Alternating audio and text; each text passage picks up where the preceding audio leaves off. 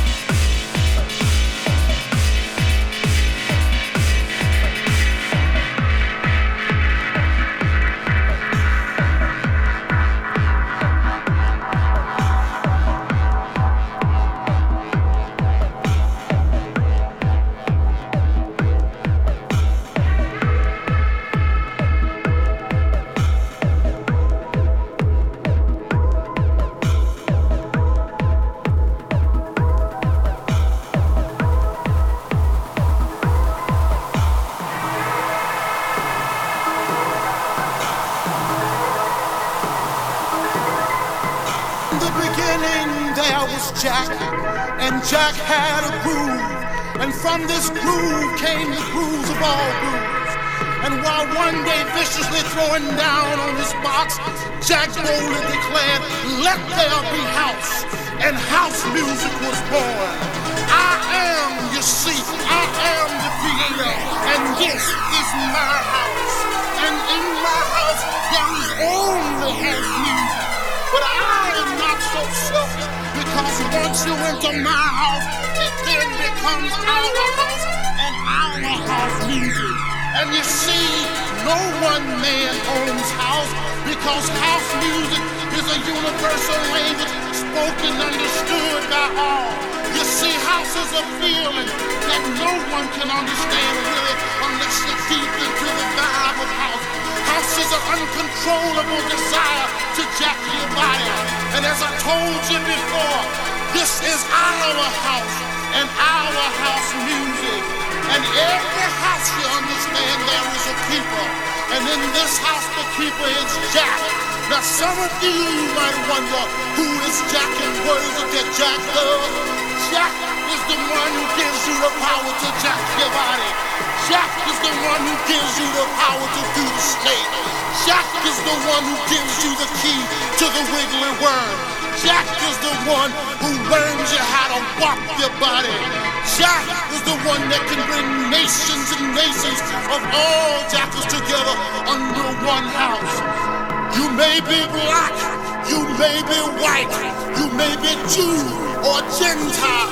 It don't make a difference in our house. And this is Fritz.